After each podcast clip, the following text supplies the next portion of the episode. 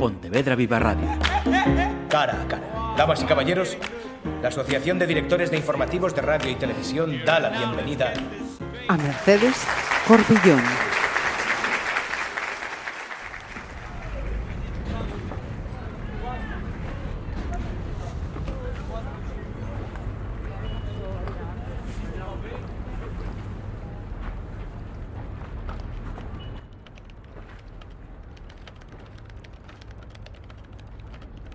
La belleza debe morir.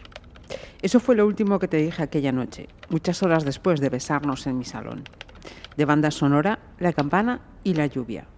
Y los látigos de mi corazón. Mi corrector dice látigos en lugar de latidos. ¿Será que la inteligencia artificial sabe ya poner nombre a las cosas mejor que los escritores? Mejor que yo, que no soy escritora y todavía siento ese beso en las tripas. ¿Será que todo es artificial? Me pregunto qué sentido tendrá la vida una vez que se hayan descubierto todos los misterios. ¿Qué será de nosotros si la ciencia descubre finalmente los procesos químicos que llevaron a Dante a sentir aquello en la presencia de Beatriz o a Stendhal ante la fachada de la Santa Croce? A la mierda el mundo en el que está todo explicado y no queda sitio para la poesía. Empiezo a escribirte ahora que han pasado semanas desde entonces. Supe inmediatamente desde que nos separamos allí, frente al Atlántico, que nunca volvería a verte ni a oírte. Una bruma espesa nos envolvía. La piedra brillaba devolviendo el reflejo de las luces amarillas. Si hacía frío no lo sentí. Me dijiste, te quiero. Yo no saqué las manos de los bolsillos. Nos dimos la espalda y empezamos a caminar, como si estuviéramos en un duelo. Treinta pasos y ¡boom! El disparo. Nuestro disparo fue el silencio. Aún resuena en mis oídos. Nunca más tu voz. Eso sí que es una explosión. Una de esas que te deja el pitido en los oídos durante mucho tiempo. Acúfenos creo que se llaman. Les pasa mucho a los músicos, por haber escuchado acordes demasiado altos demasiado tiempo. Una vez escuché a una escritora decir que había subido el volumen de sus emociones. Una operación arriesgada, sus personajes parecían estar siempre al borde del precipicio emocional, pero en aquella novela que yo había leído te hinchabas a llorar. Entrabas muy fácil en aquel juego suyo de deformarlo todo, de exagerarlo. Nosotros también exageramos mucho desde el principio, como si hubiéramos encontrado en la hipérbole nuestra medida y, como lectores o espectadores, llorábamos ante lo despiadado de nuestra propia película. Lo despiadado era que no éramos capaces de hacer la realidad y dolía, como solo duelen las cosas de mentira.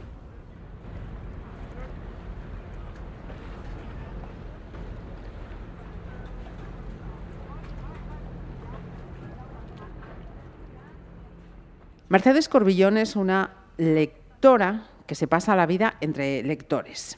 Es su forma de definir su actividad profesional que también conocemos como librera. Persona que gestiona una librería, en este caso dos, Cronopios.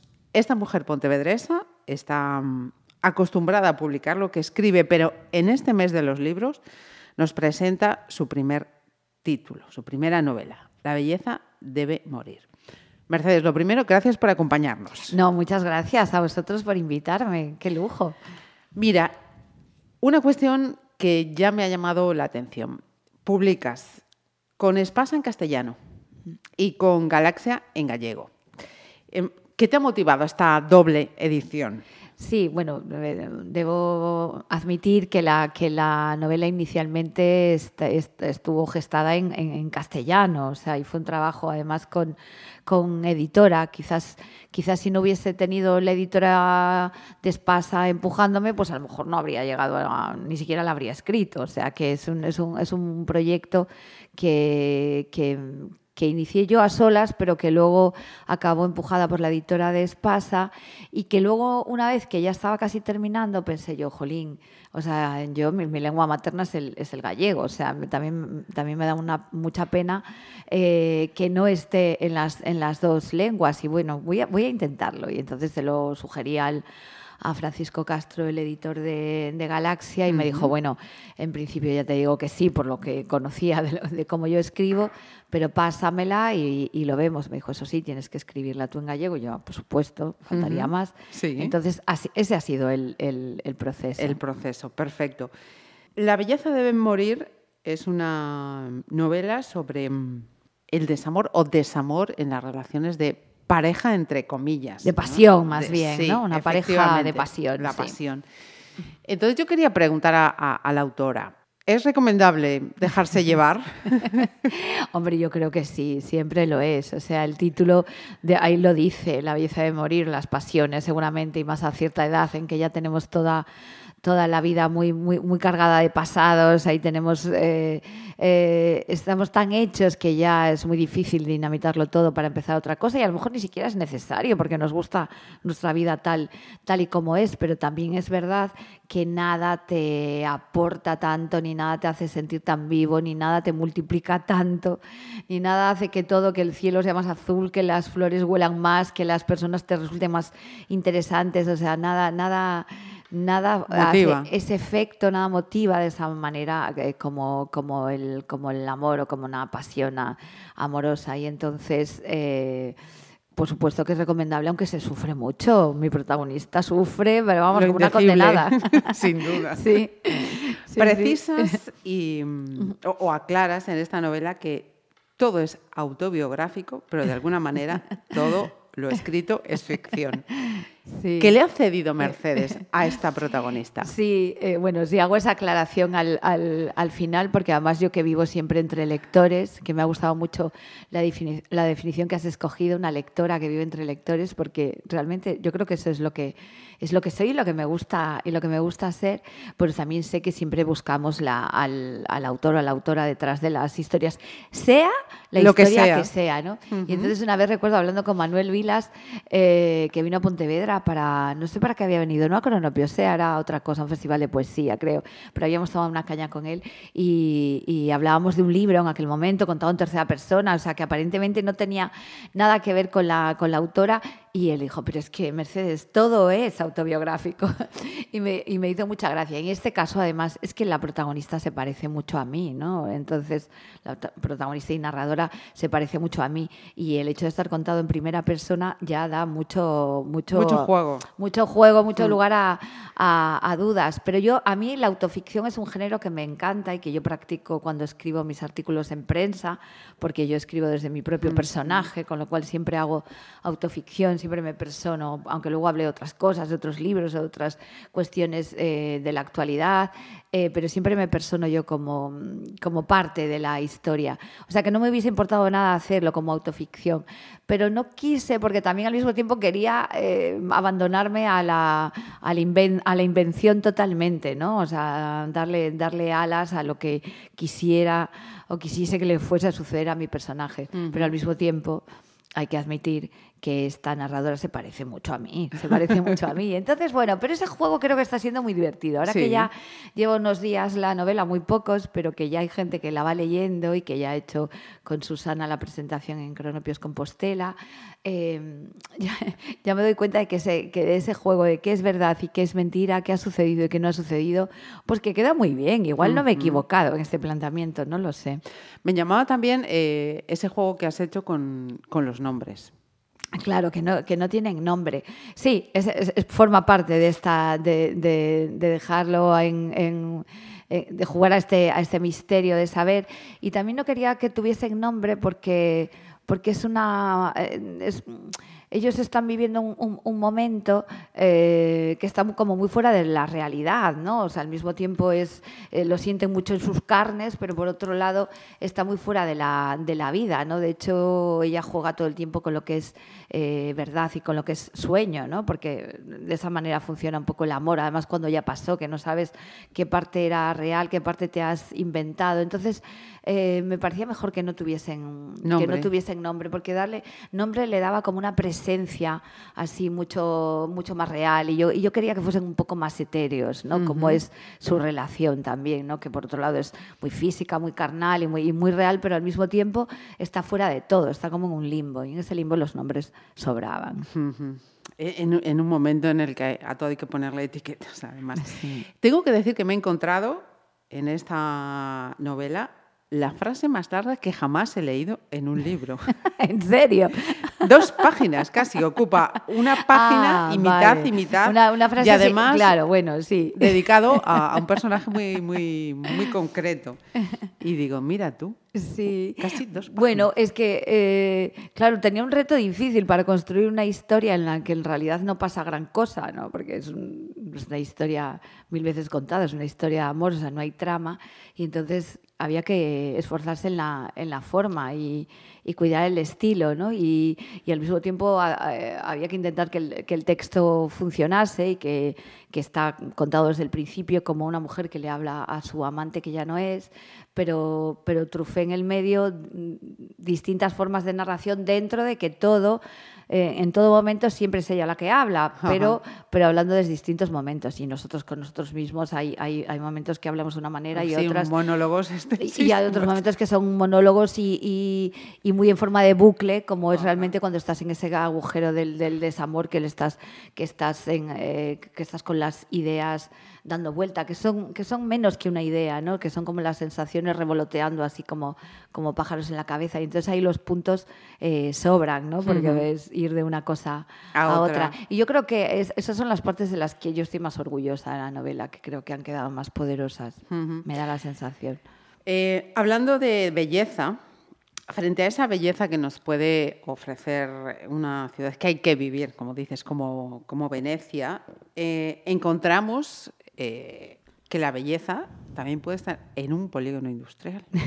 Exacto, sí, sí, sí, es que exactamente eso es lo que creo que provoca la, la- pasión amorosa y por eso cito a Annie Ernaux al principio, que en ese libro que os recomiendo a todos, Pura Pasión, que es muy cortito, que yo creo que es un libro imprescindible, pues eh, ella, eh, desde la autoficción directamente, porque ella ha contado toda su vida en su obra literaria, la ha contado eh, con una intención estética, evidentemente, pero, pero ella ha sido su propio personaje, ella dice, eh, me he pasado el último año esperando una llamada de teléfono, ¿no? Y, y- y- luego al final eh, dice, acaba eh, aclarando que, que- que que ahora uno de los grandes lujos de la vida le parece para un hombre o una mujer es vivir una pasión, lo que pasa que no la puedes escoger. Y luego otro libro, por ejemplo, Los días perfectos de, de Jacobo Vergareche, los días perfectos hablan de eso, de cómo eh, nosotros en nuestra vida pues intentamos eh, hacer un atrezo para todo, evidentemente vamos a un sitio precioso, una puesta de sol o, con, o bebemos champán, nos ponemos un- una ropa interior maravillosa, hacemos, acompañamos todo, nos intentamos rodearnos de belleza siempre, pero nada hay comparable con la belleza de, esa- de ese, de ese sentimiento, con lo que arrastra ese sentimiento. Entonces, en, ese, en los polígonos, en los polígonos en los, o en los hoteles de carretera, o en los escenarios un poco ocultos de las relaciones adúlteras, pues también puede haber belleza, claro que sí. Em, creo que, em, al, al menos ha sido mi impresión, que también hay otros, mm, si no pasión, Sí. también hay otros amores en esta, en esta novela.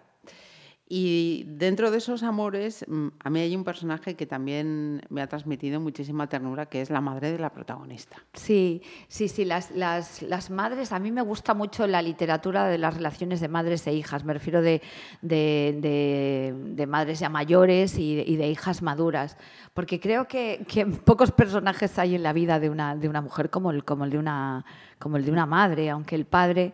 eh, también es muy importante. sí. También es muy importante porque también creo que para la, para las- la formación de la personalidad de las mujeres, eh, para, la, para la libertad, para, para la seguridad, la, la figura del padre es importante. Pero luego esas relaciones de madres e hijas, eh, que sean como sean las madres, eh, son como son radicales en el sentido que son muy de raíz, que nunca puedes escapar a ellas. o sea, da igual que sean buenas o males, que son capaces también de mucha ruindad, ¿no? Y de pasar del amor a lo, a lo, a lo, a lo peor, ¿no?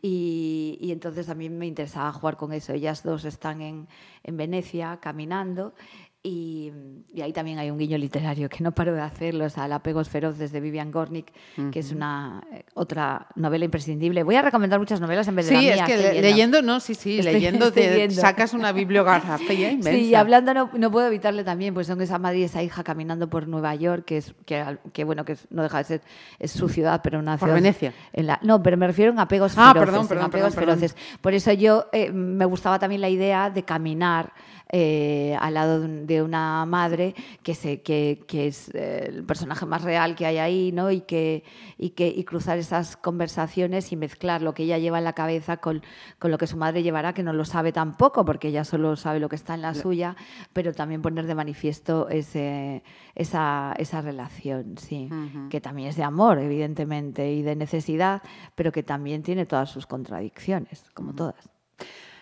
Leyendo también este libro llegaba a una conclusión y es mm, en este momento en el que el género epistolar, las cartas ya mm, están prácticamente desaparecidas que todo es, mm, pues eso, correos electrónicos, WhatsApps y, y, tal.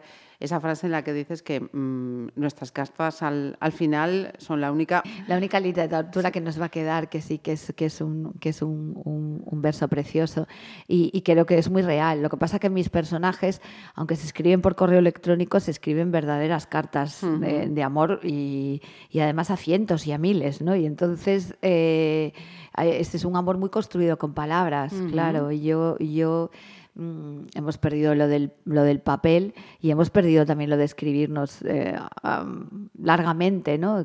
Y los procesos eh, de la escritura nos llevan a, ahondar mucho más en el, en, el, en el, conocimiento, ¿no? Pero al mismo tiempo también están un poco fuera de la, de la realidad, ¿no? Porque la realidad va por otro lado. Pero sí, a mí el género epistolar además me, me encanta, sí. Porque dice mucho de la, de la, de la persona, ¿sabes? O sea, yo ahora, de hecho, en, en Cronopios tenemos ahí eh, un, un, espacio dedicado a, las, a, los, a los libros de, de, cartas y al final es una manera muy buena de, de conocer a los, a los grandes personajes, a, los, a los grandes escritores. Sí. Fíjate, hablando de libros me, sobre el género epistolar, recuerdo un libro leído hace un montón, Cartas de amor a Vita, que era una relación entre, sí. entre dos mujeres, que era sí. también... A Vita, que sería de, de Virginia Vita, Woolf, Sac claro, de Vita Sackville West, claro, sí, claro, sí, sí. claro. Eh, ¿Cómo se ha sentido la autora ante las críticas que han hecho otros autores, pues como Pilas, Pilar Eire, María Oruña, Tallón, sobre sí. este libro de debut? Pues mira, eh, creo que ha sido lo que más me ha emocionado todo. No, no las frases que han hecho o los comentarios que han hecho que han sido maravillosos. Además, eso, Eloy Tizón, Alejandro Palomas o Arancha Portavales, Carmen de la Cueva, o sea, escritores que admiro muchísimo y que, y que esto que ha escogido la editorial es más cortito, pero luego a mí eh, la editora me mandaba los, las respuestas que Completa. ellos le daban, porque mm. yo me negué a pedirle eso. Claro, yo conozco a, a, muchos escritores, pero le dije yo, yo no voy a meter a nadie en ese embolado. Pero bueno, le dije, pero todo el mundo ha pasado por cronopios, así que tú, tú verás. y lo cierto es que ella le, le, superó también su reparo y su pudor y le escribió a, a muchos. Y ya la respuesta fue tan cariñosa, uh -huh. tan cariñosa antes de leer la novela. Ella ¿eh? fue tan cariñosa que yo sí me emocioné mucho por todo eso, porque ahí sí que recogí un poco pues, pues lo, el afecto que les he dado cuando los he recibido como anfitriona. Pero luego a, a mayores, cuando ya leyeron la novela y, y y han hecho unos comentarios. Ahí, ahí empecé a creérmelo un poco, no de creérmelo de que me vaya muy arriba, que lo bueno de esto es ser librera, ya saber la poca importancia que tienen los libros, que cada semana entran miles y entonces el, están condenados a morir, eso, por mucha bueno, belleza que contengan. Hay libros que siempre están, sí. te quedan... Te, te sí, por ese... eso, pero lo bonito es eso, o sea, que aunque algunos de los lectores que, que ahora ya voy teniendo, como tengo, y a muchos los conozco y uh -huh. sé de su, de su gusto literario y algunos ya me están hablando con emoción y yo creo que eso ya es un regalo increíble. Lo que quiero decir es que yo ya llego a este mundo sabiendo que, que, que escribas un libro y que te lo publique una gran editorial no significa nada. Y yo creo que soy un caramelito para mis editores, que por un lado me han felicitado muchísimo por el hecho de haber conseguido todas esas frases, porque creo que es algo que les cuesta mucho, y entonces han visto, caray, pues esta mujer la quieren, básicamente, ¿no? Uh -huh. y, y, eso creo que sí que es un triunfo. Y después... Eh, y después los lectores que ya voy encontrando, pues que digo, ah, pues, pues emocionar a, a, a alguien, Ajá, eso, eso, ya ya, es, eso, es, muy bonito. Sin duda alguna. Sí. Eh, ¿Te has animado a seguir con más o de momento, bueno? Pero mira, lo que pasa que eh, coincidió un momento en que tenía muchas cosas, además de que escribo dos artículos a la semana, es que he escrito un, relato para una antología de la Diputación Feminista, otro de fútbol para una antología de fútbol en la editorial Galaxia.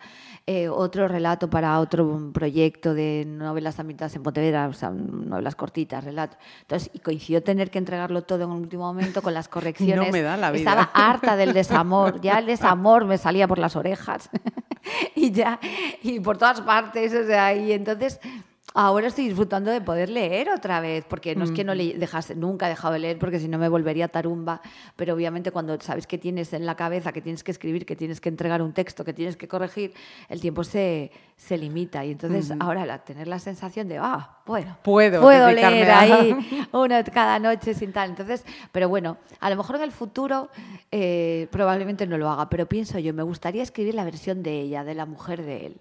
¿Qué te parece? Ah y le robaría el título a, a Ima López Silva, que ella no lo ha usado, pero que tengo que admitir que es suyo y sería la novia de mi marido. ¿Hay, ¿Hay, una película que se puede no lo sé, no la no, conozco. No, perdón, es parecido, es parecido, ah, pero no, no, a lo mejor sí, ¿eh? A lo mejor sí, por supuesto. Reciente. no, no, es parecido, es parecido. Pero, pero, no lo sé. Sé que eso es de, o sea, yo se lo oí en una conversación a Inma y dijo, wow, qué grande. Sí, a lo mejor, a lo mejor explorar esa vía. Ah. Pero bueno, no, no lo sé, no sé si seré capaz ¿eh? también. Has hablado de tus lectores. Eh, esta semana lo vas a presentar aquí en, Pontevedra, en casa. Sí, sí, sí, lo voy a presentar el, jueves en Cronopios. No, sé, pero yo por eso soy muy descreída. Digo, va, pues seguro que no va a venir nadie.